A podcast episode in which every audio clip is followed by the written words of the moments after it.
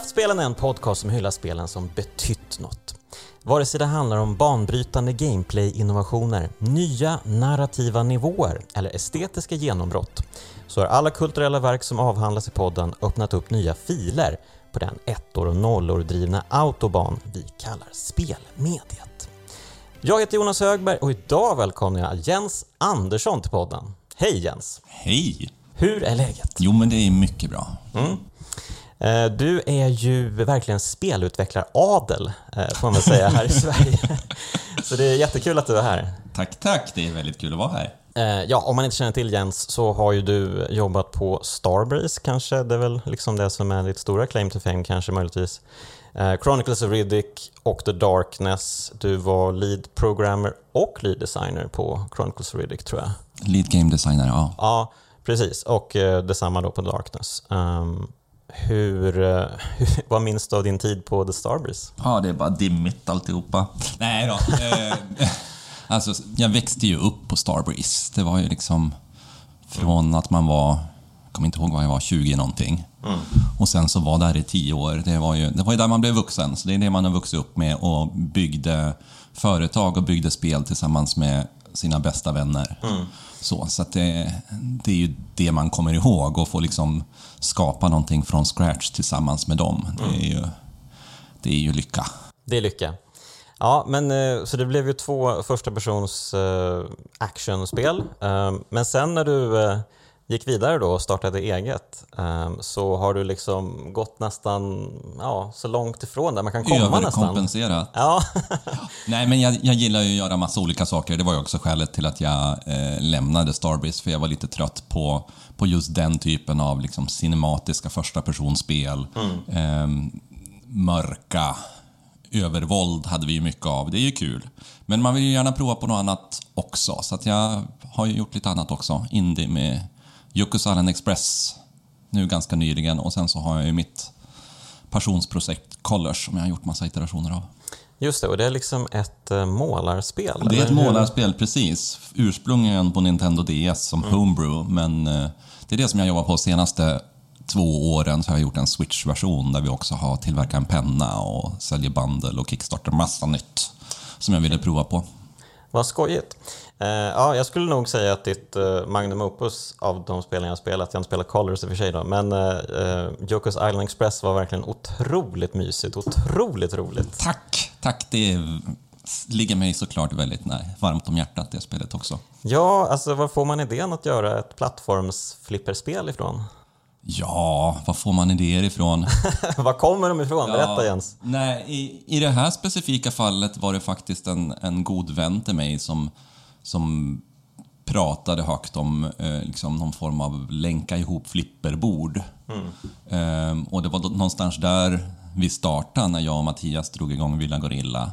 Liksom, mm. Hur kan vi, kan vi göra liksom en, en, ett äventyrsspel baserat på flipper? Och så växte det från det och så skojade vi om Open World Pinball.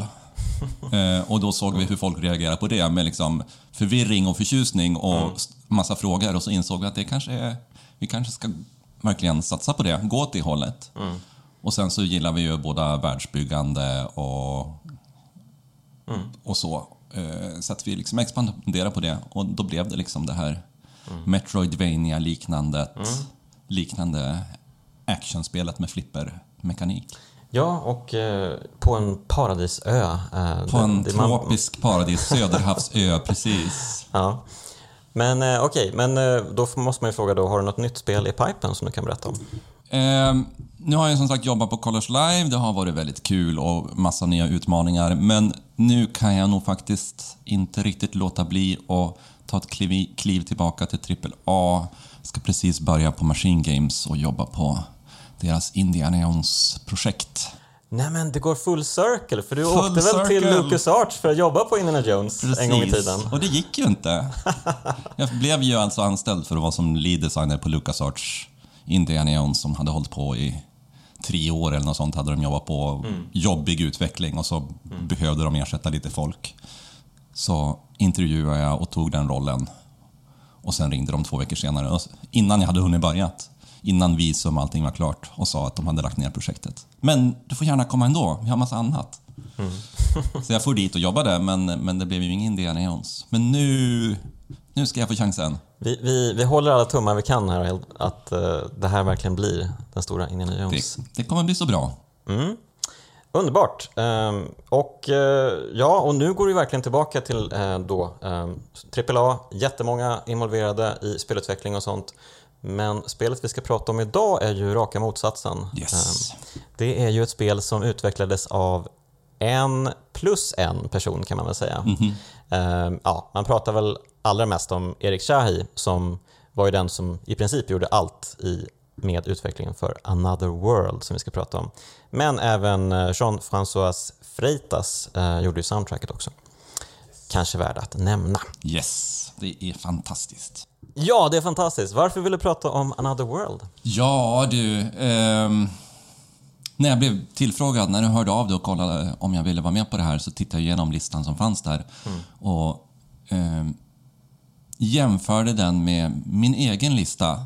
Jag har ju tagit med mig den här på en lista också utifrån ja, att jag är nyfiken. Det här är kul. Du får gärna dra några här. Du, du har alltså en, alltså, en no egen kraftspelslista? Ja, någonstans på vägen så, så började jag liksom notera att det var vissa spel jag refererade till mer ofta när jag pratade med folk. Och, och det var bara kul att liksom få ner dem på papper utifall att jag skulle hamna på en intervju och diskutera kraftspel någon gång i framtiden.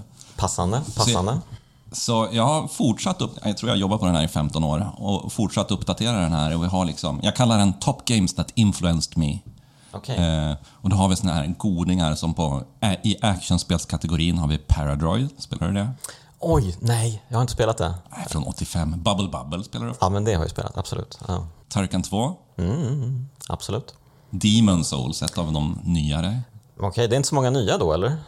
Ja, den sista här är Dead Cells faktiskt, på action. Ah, okej, okay, okej. Okay. Mm. Ja, Dead Cells uh, känner jag att den måste komma på, ja, på den kraftspels... Är, den, är, den är viktig för mig mm, också. Mm. På, på äventyrsspel då, först upp där står det Another World. Det är nummer ett på äventyrsspel. Alltså, jag har inte sorterat dem. Jag har, jag, äventyrsspel är den största, men jag har Ico där också. Ja. Eh, och så första Dune som inte är så känt. Ja, jag vet att folk gillar den. den jag, jag, har inte spelat den själv, men jag har blivit uh, sugen på senare år faktiskt. Att, Finns uh... inget liknande fortfarande. Mm. Uh, Secret of the Monkey Island. Mm. Subnautica, det är nytt. Mm. Ja, absolut. Och den, den måste ni ha snart också. Okej. Okay. ja, du får komma tillbaka kanske och prata om det. This War of Mine. Mm. Fantastiskt spel. Minecraft la jag till idag för jag inser hur ofta jag refererar till den. Mm, okay. Och så ja. Outer Wilds la jag till idag också. Ja men vad fint, det tog vi i alla fall i våras i kraftspelen här. Så att... Sen har vi lite på rollspel har vi lite Fallout, Fallout 1 och 2, mm. Final Fantasy Tactics Advance. Aha, okej, okay. det var en liten curveball där, kul. Eh, ja, det är ju jättebra såklart, men jag menar, om man pratar om Final Fantasy så kanske inte det är det första ja, man pratar om. Ingen av de andra har liksom fastnat så hårt. Uh, för mig faktiskt. Pool mm. of Radiance däremot, Goldbox-serien. Ännu spel inte spelat faktiskt. Ultima 4. Och det var, Ultima mm. 4 var ett av de som jag föreslog också att, att vi kunde prata om. Ja, men jag har själv funderat på Ultima-serien. Och... Den, mm. den går inte att spela idag, men oj, mm. vad den var viktig. Mm. World of Warcraft har jag här och Skyrim har jag här. Och sen så på strategispel, som är sista kategorin, så har vi Jagged Alliance 2 och ursprungliga XCOM, UFO Defense. Ah. Och sen mm. sist FTL, Fast and Light. Ja, precis. Vi pratade lite om det innan här, att du var lite besviken på Into the Bright. Eller? In, into the Breach. Into the Breach. Uh, ja, uh, och, jag har ju Final Fantasy Tactics Advance här. Det är liksom ingen... Alltså, Into the Breach är ju ett perfekt spel. Det, mm. Jag kan inte komma ifrån det, men, men på något sätt så, efter jag hade klarat FTL, mm så gick jag tillbaka och, och, fortsatte köra och fortsatte köra och fortsatte köra. Och jag förväntade mig det med, med Into the Breach. Men när jag var liksom klar, klar med en, när jag klarade spelet en gång, då liksom, ah, ska jag göra samma sak igen med en ny, ny, ett nytt gäng? Ja, jo, det är inte tråkigt, men... Mm, mm. Ja, Okej, okay. men eh, härlig lista. Eh, jag håller med om mycket där. Och jag minns en, jag minns en. Jag hade kategorin Sports, Racing, Fighting and Puzzle Games. Oj, du, du, du, du liksom mosade ihop allt annat ja. i en enda liksom. Och enda som står där är The Witness. Jag hade lite bilspel och så förut, men jag har tagit bort dem för att de inte... Ah, okay. Jag antar att det inte är min grej helt enkelt. Men okej, okay. vi ska prata om Another World då. Mm. ja. Av alla dessa eh, spel. Um, då, är man ju, då är man ju väldigt nyfiken på hur Another World har påverkat dig som spelskapare. Ja du. Um det är svårt att, att, säga specifikt, men det är så mycket i det spelet som, som, som jag kontinuerligt kommer tillbaka till som liksom, mm. man, man, kan göra så här faktiskt. Det är okej. Okay. Mm. Eh, ta en sån sak som eh, variationen i gameplayet. Mm. Det, de har, visst, de har väl någon for, form av, av core-mekanik med, med fightingen. Mm. Men den är inte så viktig, utan det är det att det är liksom... Du vet aldrig vad som händer mm. när du går runt nästa hörn. Liksom vad det är för typ av gameplay du kommer stöta på. Mm. Det är väldigt få spel som, som tar den idén på allvar. Mm. Så det är en av de stora grejerna som jag tycker, tycker är viktigt. Håller du med eller? Ja, jag håller med. Ehm, jag, jag spelade ju om det nu i helgen och jag har faktiskt inte spelat det sedan 90-talet skulle jag tro. Det var jättelänge sedan jag spelade det. Ehm, men det har alltid liksom legat i bakhuvudet och bara det är ju en sån estetiskt eh, pockande upplevelse. Ja. Man bara vill tillbaka till den, till den där andra världen som Erik Chahi skapade. För den är ju så otroligt eh, vacker, så otroligt eh, mystisk. Eh, man, man, man vill utforska, man vill se vad som väntar. Eh, det händer, precis som du säger, ständigt nya saker. Eh, massa pussel man inte, man inte förväntat sig dyker upp. Ehm, det känns som speldesign som eh, liksom skapat sig själv nästan utifrån världen mm. på något sätt. Snarare än att här har vi de här pusslen, vi ska försöka liksom passa in dem i den här världen som vi sen skapar. Och jag älskar just den biten. Det är liksom en sån intressant värld som man droppas in i. Och bara, bara liksom hela öppningssekvensen där med liksom du från forskningslabbet och droppar in i den här mm. extremt farliga miljön. Vet inte vad det är. Spelet talar inte om någonting för det heller. Mm. Den är ganska, väldigt restriktiv med att berätta var du är, vad det är för typ av värld, vad är liksom... Allt är för dig att upptäcka själv. Mm. Och det, det, är den bästa typ av storytelling tycker jag i spel. Ja men absolut. Eh, det, är väl ingen dialog som sägs i spelet. Det är ju de här främmande varelserna säger ju vissa saker på sitt språk men man förstår ju inte vad de säger utan allting sker ju liksom eh, man får ju försöka tolka eh, det som sägs och det som görs och hur man ska förhålla sig till det. Men det är ju precis som du säger, alltså introt är ju jättesnyggt. Mm. När den här bilen sladdar in till den här liksom bunkern som är inhägnad Eh, det är någon sorts laboratorium. Eh, vår protagonist, vår hjälte, heter Lester. Just det. Det vet man inte om man inte liksom läst eh, manualen. Nej, den säger “Welcome professor” såg jag. Jag tittade igenom på Youtube igår nämligen, ja. longplayen som var 24 minuter lång. Ja, herregud. Det tog betydligt mer än 20, 24 minuter för mig att klara det här spelet för det är ju ganska brutalt stundtals ja. med eh, många sekvenser. Alltså man springer ju rätt in i fällor och dör liksom automatiskt. Man måste ju liksom veta nästan exakt ja. vad som väntar. Det är, det, det är lite gammal game design på det sättet. Det, mm, mm. det telegraferar ju inte vart, vart du kommer dö eller så. Ganska Nej. elakt. Men jag gillar det att eh, datorn då eh, sa ja, jag, jag, såg att du kom i din Ferrari här. Precis. så rolig detalj. ja.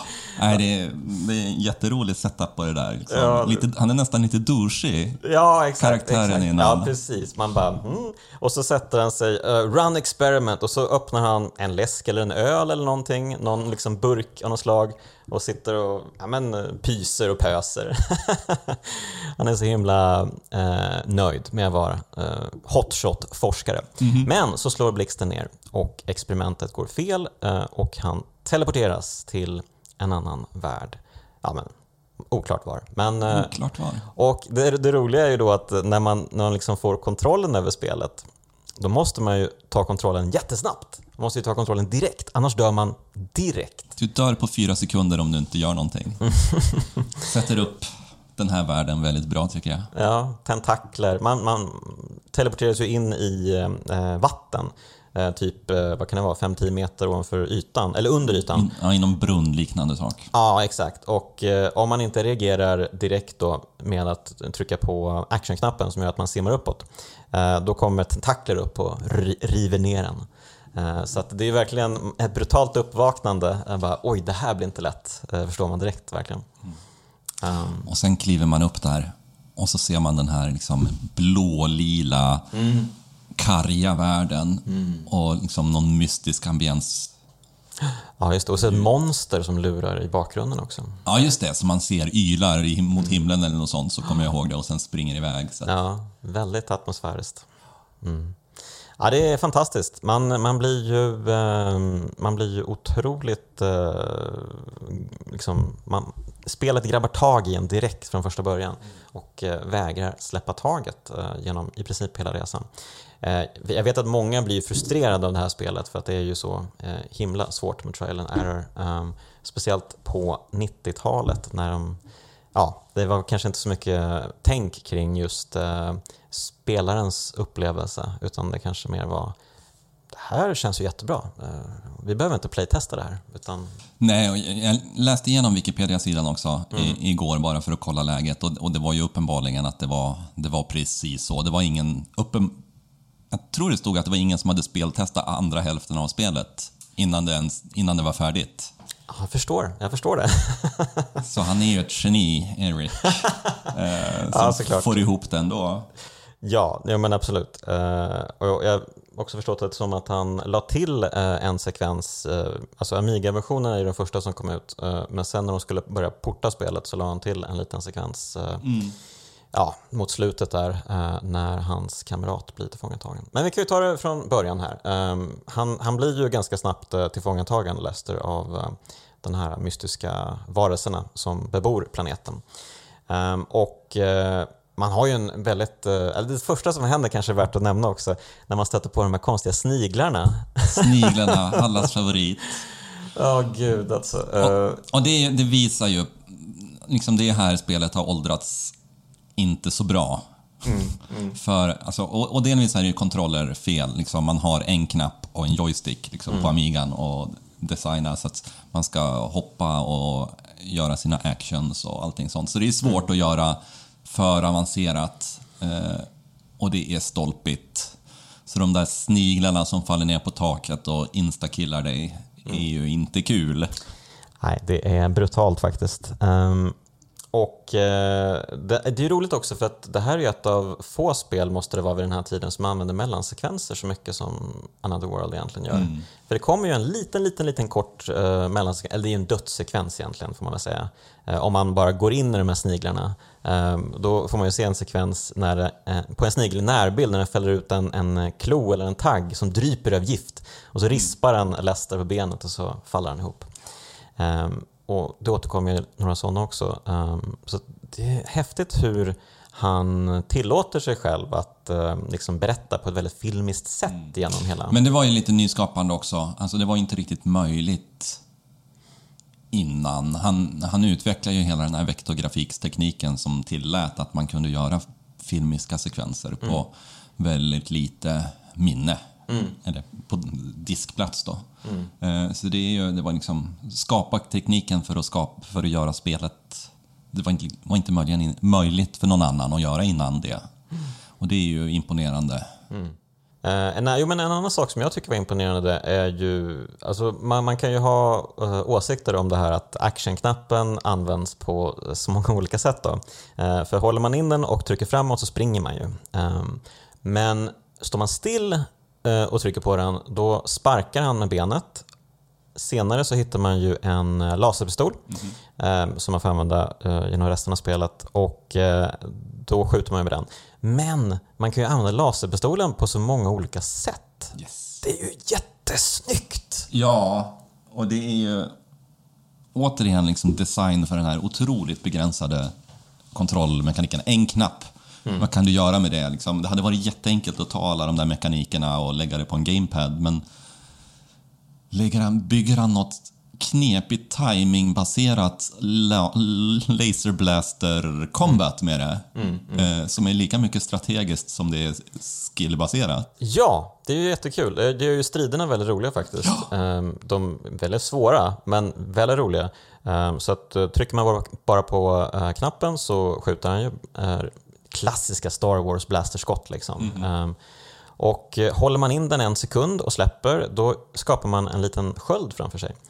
Ehm, Och håller man in den, ja, jag tror det är tre sekunder kanske, eh, då får man liksom en jättelaserskott som man kan skjuta iväg som mosar alla sköldar ehm, och som sen gör att man kan liksom peppra med eh, laserblastern på finerna.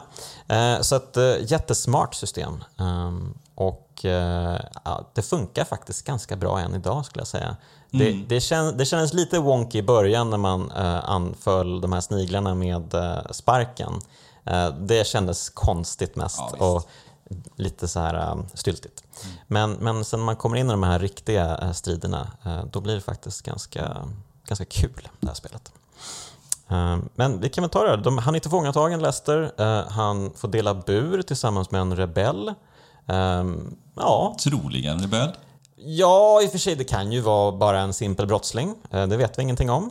Eh, För ja, det kanske är bara jag som projicerar då, men eh, han verkar vara en schysst kille tycker jag i alla fall. Den här varelsen. Eh, han hjälper ju mig under, under spelets lopp, så att, eh, då är han okej i min bok. Eh, Så att, och då är det ju ytterligare sådana pusselmoment där man ska liksom rocka eller gunga eh, buren. Men det är också typiskt sånt, liksom, ingenting som återkommer någonstans senare i spelet och liksom helt egen kontrollmekanik. Men passar jättebra där. Och liksom, man får klura sig fram till att man ska göra det där bara utifrån vad som händer på skärmen när man drar, drar i spaken. Det är ganska... Idag ska det vara väldigt ballsy att göra den typen av, av design. Ja, men det, det, det, som sagt, det, det funkar. Det, han gör det väldigt snyggt de här grejerna. Ehm, och eh, ja, och man landar ju med buren på en vakt eh, som dör eller blir medvetslös. Um, plockar upp hans laserpistol och eh, sen börjar då jakten. För det är ju liksom som en enda jakt, det här spelet. Ehm, man bara jagar sig fram genom det här samhället, den här staden och senare palatset där de mäktiga bor. Men det vet du ju fortfarande inte när du kommer dit, utan det är ju, strax efter det här så kommer ju en, en av de bästa scenerna tycker jag. När man springer fram, och åker upp med hissen och tittar ut genom fönstret och får den här revealen som verkligen liksom, nej, du är inte på jorden längre. Mm. Ja, det är en jättefin eh, stad verkligen han har byggt upp här. Ehm, och, eh, men det, det, det är fint att det liksom sker så sömlöst den här liksom progressionen Ja. genom alla nivåerna fram till palatset. Och, Liksom. och ge liksom en liten bit till som förklarar om vad du är på, på, på för typ av ställe hela tiden. Liksom sprider ut det över hela spelets gång istället för att ha en lång introduktions-cutscene som etablerar allting. Ja, men de skiljs ju åt då, eh, Lester och eh, den här rebellen som jag väljer att se honom som i alla fall. Um, Lester hamnar i en ventilationstrumma, en rad mycket brutala pussel tar vid där man ska försöka ta sig förbi dels rökpustar, dels eh, spikfällor, eh, man måste rulla exakt rätt håll annars dör du direkt. Eh, ofta prova några gånger. det är trial and error eh, och det är brutalt hemskt. Men eh, ja, när man kommer förbi detta, då blir det roligare igen. För då springer man genom grottorna. Alltså du tyckte det var kul, grottorna? Ja, nu när du säger det så var det ju inte kul kanske. För då har de ersatt de här sniglarna med nästan likadana varelser som är hål som äter upp det bara Ja. du touchar dem. Precis, och även eh, dinglandes eh, från taket Ja. eh, finns det likadana också. Ehm, nej, jag håller med. Eh, fruktansvärt verkligen. Ehm, men eh, tack och lov då så innehåller ju spelet numera eh, betydligt mer liksom, ehm, checkpoints än vad det gjorde i Amiga-versionen. Eh, där var det ju fruktansvärt. Att behöva, man skulle behöva ta sig så- genom sån himla lång passage ehm, för att eh, komma till nästa checkpoint. Och eh, det var ju inte bara att man skulle springa igenom en sträcka med de här fruktansvärda liksom, hålen med eh, glupska käftar. Man skulle springa tillbaka också genom allting efter att man hade ehm, skjutit bort en, en bärande sak då, som gjorde att man längre upp i grottorna kunde skjuta en vattenansamling så att den föll ner där. Ehm, och då blev, det ju en, då blev det ju även det en härlig jakt. Man sprang Ja, från vattnet. Och det var ju jättecinematiskt häftigt. Det var ju liksom... Man hade inte sett något liknande i spel Mm. innan det. Liksom den här vattenmängden som jagar dig. Det går ju liksom inte att göra på något vettigt sätt Mm. annat än som han har gjort det, som är liksom 15, F- 10 FPS animerat för hand. Han måste ju ha spenderat en evighet. Ja, två år tog det att Ja, utveckla det, spelet. är, det är ju lite tycker jag. Jag tycker ju själv så här, två år för att göra allt det här, det låter ju helt Ja, sinnessjukt. nej, det Ehm, jag förstår så inte heller. eh, alla props i världen till Erik Shahi. Ehm, Men jag tycker det är så häftigt att eh, man får förändra banan. Att Mm. man själv får påverka bandesignen och eh, att eh, passager man redan varit i blir förändrade nu då med vatten och så. Um, och att uh, senare så förändrar man, man, man spränger upp golvet på ett ställe um, i ett jättekonstigt pussel som vi ska prata om alldeles strax. um, men, uh, ja, men han fortsätter ju då framåt och uh, han stöter väl på sin polare igen. Det finns ju, en, det finns ju några sekvenser som kommer här på som är med jätteroliga pussel men de är också så här otroligt konstiga när man, för man måste göra exakt rätt sak för att trigga vissa saker. Ja, visst. Ehm, jag tänker då kanske framförallt på ett pussel eh, när man, man springer in i ett rum, det springer iväg tre stycken eh, varelser som inte har något vapen. En av dem blir fast i rummet och står och bankar på dörren. Släpp ut mig, släpp ut mig. Den här galna människan är här och kommer döda mig. Ehm, och man kan ju stå och skjuta honom från avstånd och då har man gjort bort sig. För det man måste göra är att eh, springa fram till honom, rikta pistolen mot honom så att han höjer på händerna, eller på armarna, eh, hands up liksom. Eh, och sen typ eh, vända sig bort. Ja, då drar han i en spak som gör att det faller ner liksom bärande väggar lite här och där. Och då kan man skjuta väggen och sen honom och sen kan man springa upp och ner till en annan sektion precis ovanför där det står en kille som annars hade skjutit dig direkt när du liksom hoppade ner i den här liksom. Det här hade jag glömt. Men nu finns ju en vägg där. Ja, Eh, Så den ger dig eh, lite respit där. ja. Det där är ju lite tricks, så där får man inte göra. Mm, det är inte god speldesign. Nej, det är inte god speldesign och det blir sådär... Ah, man får bara testa alla möjliga permutationer av allting som finns i världen för att, för att se vad som händer. Och det är ju inte riktigt roligt. Det, vissa saker funkar, vissa saker funkar inte riktigt lika bra kanske. Jag måste säga att jag, jag uppskattar ju idén med allting. Ehm, För att när man vet allting och eh, springer igenom allt det här, eh, då är det ju väldigt smart uttänkt. Och det, det är liksom, eh, man känner sig väldigt cool när man lyckas med alla de här detaljerna och skjuter eh, alla vakter på rätt sätt och sådär. Eh, Det finns ju till exempel en, en sekvens som är jätterolig också. Man blir tillfångatagen av en vakt eh, som liksom eh, håller en strypgrepp och håller upp Lester i luften så att han liksom sprattlar. Och trycker man på actionknappen då så sparkar man vakten i kulorna. Yes. Och, och det här är ju kanske spelets coolaste sekvens. Man kan ju då göra en riktig så här Han Solo-grej.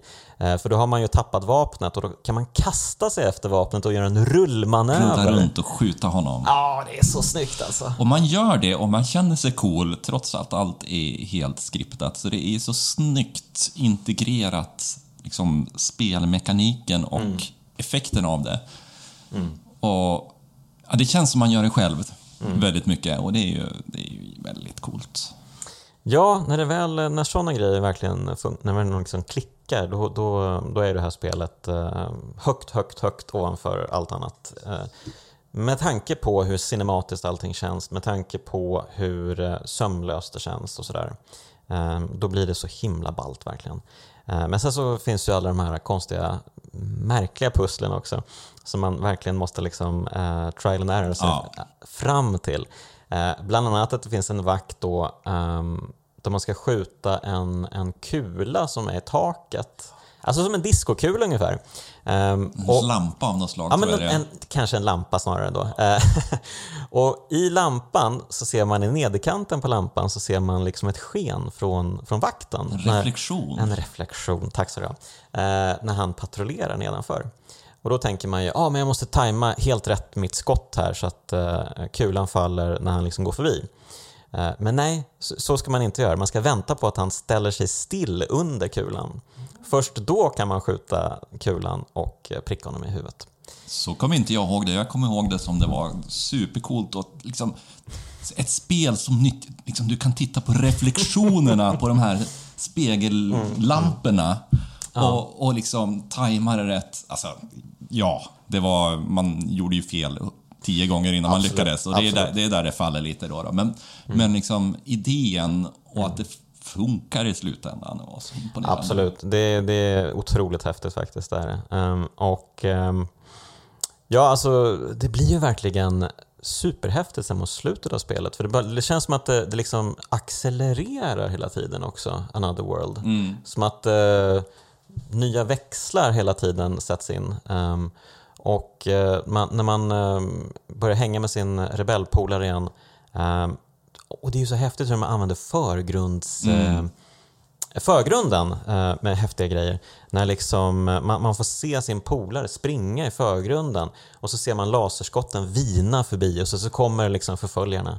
Men det är, och det, det är en av de bästa sakerna tycker jag med det här spelet också, den här relationen med, jag tror han kallas Buddy, jag vet inte, det, Okej. det uttalas ju aldrig men, men folk, communityn gör det i alla fall. Okej, Eh, men hur han följer med dig genom hela spelet och du, ni interagerar, liksom stöter på varann vid vissa punkter och ibland hjälper ni varann, ibland ser ni bara varann på avstånd. Men genom hela spelet så har ni liksom samma resa.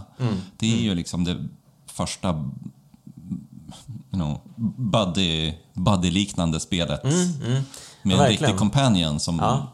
Där man skaffar den här känslomässiga kopplingen till en annan karaktär. Verkligen. Ja, men, eh, och det, det är så härligt att det är liksom en, en upplevelse som går eh, åt båda hållen. Eh, Att de båda hjälper varandra fram och tillbaka. Ja, det är inte sådär. ensidigt på något sätt, utan det Precis. verkligen gör saker för varandra hela tiden. Av nödvändighet såklart, men, Mm, men nej, det funkar så himla bra. Ja, men han är väldigt eh, liksom sympatisk och härlig och eh, man räddar ju livet på honom genom att eh, gå i bakgrunden också i en sekvens. Den här Ja. nya sekvensen han lagt till. Ja, och den, jag, nu när jag tittade på videon här igår så blev, blev jag paff alltså. För att liksom, det där kommer inte jag ihåg. Så det var först i efterhand som jag insåg att han hade ju faktiskt gått in och patchat in det där. Fast enda sättet man patchade på den tiden var att släppa på en ny plattform och uppdatera Ah, just den till just det. ja. Nej men äh, jättehäftigt. Eh, han liksom smyger runt ett rum och så kan man se honom genom, eh, jag tror till och med att det är sådana här klassiska, du vet, fängelse... ehm, vad kallar man dem, liksom, de här liksom... eh, eh, när man ser på fönster i fängelser. så är det- Fängelsegaller? Ja men galler, exakt. jag tappar verkligen ordet då. Eh, ja men precis. Eh, och så liksom ser man honom eh, passera förbi dem och så kan man gå runt och skjuta vakterna när de står och liksom, eh, förhör uh, Buddy, som han heter. Jättesnyggt och eh, plötsligt då så hamnar man mitt i en arenastrid. Det är min favoritscen i hela spelet tror jag. Ja, berätta. Ja, nej, av, av någon anledning så i, i slutet av korridorerna som man har flytt igenom så kommer man fram till någon pansarliknande sak som man hoppar in i. För att det är det man kan göra i spelet. Och sen så sakta men säkert så trycks den ut på liksom en romersk arena med folk runt omkring som jublar. Och du har ingen aning om vad du ska göra. Återigen, liksom, spelet talar inte om någonting för det. Och så sitter du framför den här kontrollpanelen med liksom 20 knappar. Och så börjar du trycka på den. Och, och samtidigt så kommer det en massa vakter ut och skjuter på det från massa olika håll. Och så trycker du på de här knapparna och så får du ut vapen ifrån den här pansarvagnen och lasrar och raketer och slår ner bland publiken. Och du trycker på någon annan knapp och det öppnas upp 20 nya knappar. Ja. Eh, och gameplayet, det är bara en sån här massiv payoff till spelaren. Här, tryck med alla de här leksakerna. Och man ska egentligen bara trycka fram den här extra panelen och trycka på rätt knapp på extra panelen för, att, för att fortsätta. Men det är sån härlig... Liksom, och, och det är stress och det är explosioner hela tiden runt omkring det. Det är, liksom, det är inte traditionellt gameplay på något sätt. Men samtidigt funkar det så himla bra. Ja, men, alltså man, jag hade nog aldrig sett något liknande i spel vid den tiden. Jag tror inte vi ser något liknande idag heller. Ja men eh, verkligen. alltså, Kan du komma på något modern motsvarighet? Nej, alltså det, det är verkligen bara liksom, här, ha kul. Ja, Ehm, att det är lite sandbox-tänk i det. du, du behöver liksom inte oroa dig överhuvudtaget över att du kommer... När du liksom... sitter i en pansarvagn samtidigt. Ja. Jag vet inte, den hade ingen hälsa eller någonting sånt? Nej, alls? nej, nej. Alltså, det var ju eh, verkligen... eh, Jag tror att det är omöjligt att eh, dö där. Eh, För jag tog mig vidare direkt eh, och det var ju verkligen så här, trycka på alla knappar. eh, Precis. och Men man vet ju inte att man är odödlig heller, så att de lyckas ju behålla den här stressfaktorn. Så att, eh, Så är det, så. Mm. Jag tycker den, den är fantastisk. Och till slut då så flyger ju... eh, Jag tror man hittar eject-knappen. Exakt, exakt. precis. Så att eh, man, man flyger iväg en liten del av den här tanken då, in i palatset och man landar mitt bland konkubinerna. Ja, i deras badhus eller något sånt. Ja, exakt. Väldigt, eh, väldigt fin scen. Eh, otroligt animerat allting.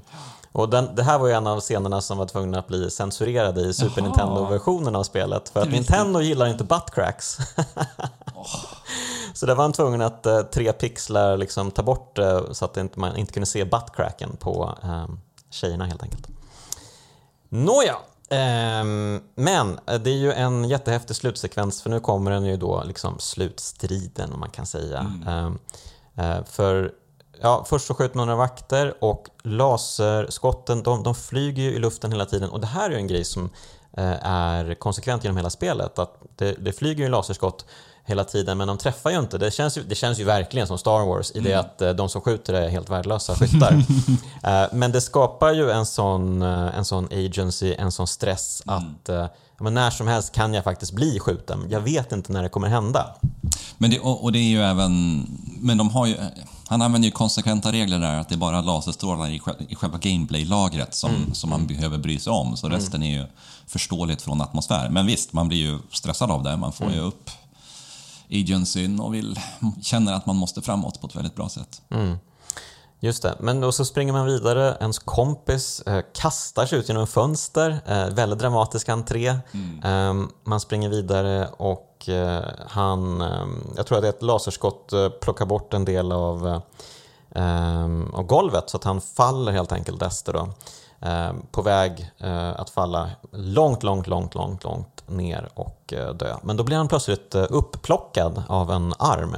Av en badding. Ja, och jag vet inte om det är liksom en, en random snubbe Han har, eller... jag såg det, han har röda ögon. Jag funderar på om det är någonting som man försökte ha liksom kontinuerligt genom spelet. Att det är en badding som är lite ba- mer badding än de andra för att ha någon antagonist. Okej, ja. Men jag är inte säker. Ja. Men en badding sliter upp dig i alla fall och smashar in dig i väggen så du blir rätt skadad. Ja, precis. Eh, och då kommer ju eh, Buddy till ens undsättning då. Och de har en liten handgemäng. Eh, det, det ser väldigt gulligt ut. De, de turas om att vara on top och slå och bulta på varandra. Eh, samtidigt som man själv då liksom kryper Ja, långsamt. så pass skadad nu så har de en, liksom, du, är, du är på golvet och kan bara röra dig framåt och bakåt. Så det finns inte så mycket att göra, men det funkar ändå. Ja, det gör ju det. Ehm, och man kan ju tycka att eh, oj, vilket eh, långsamt gameplay det blev nu jämfört med allt tidigare. Liksom. Men det blir ju så mycket mer eh, potent då också. Ehm, att man liksom helt bara liksom stannar upp allting och tvingar en att liksom uppleva det här momentet snarare än det känns som att liksom man kanske sprungit ifrån resten men här liksom måste du stanna upp och börja liksom begrunda eh, allting. Ehm, och ta sig fram till en spak ehm, och eh, elektrifiera motståndaren. Ehm, och sen öppna upp en eh, port i taket, eh, långsamt kravla sig till en teleportör och eh, alltså slutsekvensen är ju mäktig. Berätta om den. Ja, alltså man, man teleporterar sig upp där på taket och man kravlar fram. Då, då är det någon konstigt djur där, något drakliknande djur.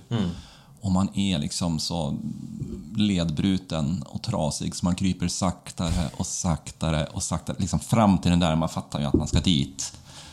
För att det känns som liksom nyckeln till att fly från det här stället. Men man orkar inte. Nej, han faller ju ihop och eh, Buddy kommer och eh, scoopar upp eh, Lester i, hans, i hans armar. Hoppar upp på draken och flyger iväg. Flyger iväg. Och man vet ju inte om han är död eller om han bara är medvetslös eller något Precis. sånt. Men, eh, Det är det perfekta slutet. ja men faktiskt. Jag, jag skulle nog också säga att det är att eh, det, det känns eh, exakt det det här spelet handlade om. Mm. Ehm, Jag blir nästan lite gråtmild här. Ja men eh, verkligen, verkligen potent och härligt och, och mystiskt och eh, underbart och eh, groundbreaking och på alla sätt liksom. Ehm, Och de Ja. lämnar så mycket osagt också. Det gillade jag, gillar jag också. Liksom, vilka, vad var det här för ställe? Vem var Buddy? Liksom, kommer jag någonsin kunna komma hem? Allting det spelar inte så mycket roll. Det, är liksom, det, var, det var att ta sig därifrån, var att fly, som överleva som var steg ett och du skaffade en kompis på vägen. Ja. Eh, finns det något som du, skulle, som du tänker, det här måste jag ta med mig till Indiana Jones-utvecklingen från Another World? Alltså det är ju... Alla de här spelen som man spelar genom tiderna, allt det där influerar ju och, och påverkar alla ens idéer och i diskussioner, liksom hur man filtrerar allting. Så att det blir det naturligt.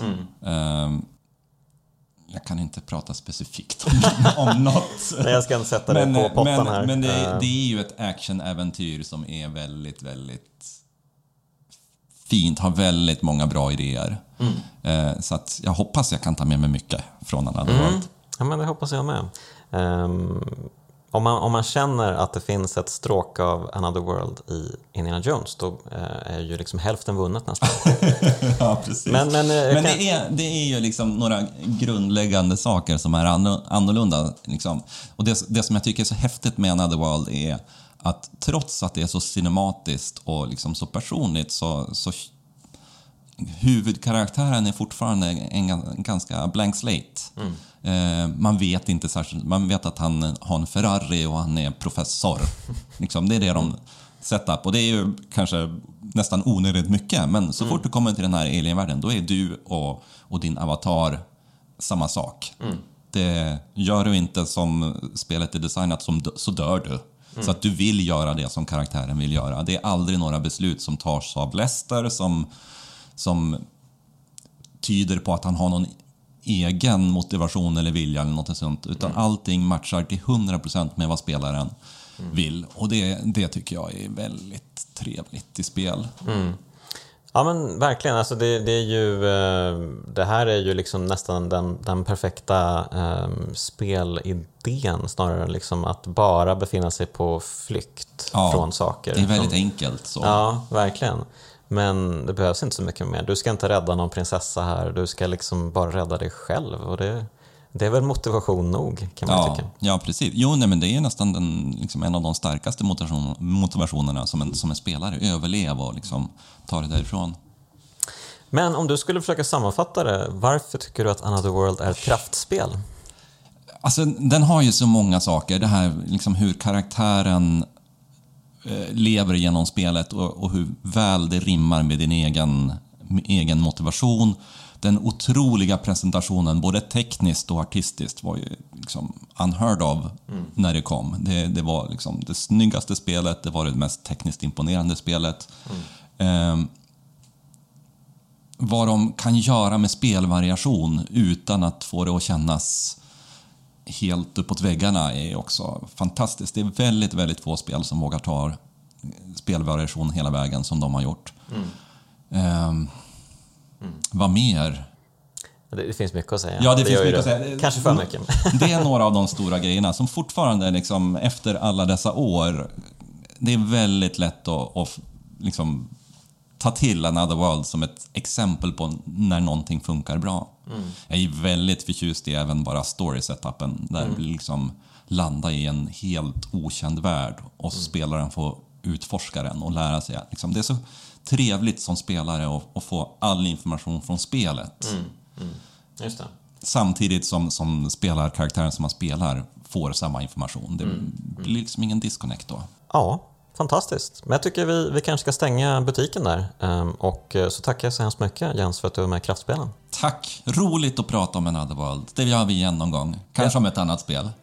Absolut, absolut. tycker jag verkligen. Det jättekul att du var här. Och eh, ett stort tack även till ni som lyssnat. Ett stort tack till eh, Bitpopgruppen 047 som gör Kraftspelens eh, signaturmelodi.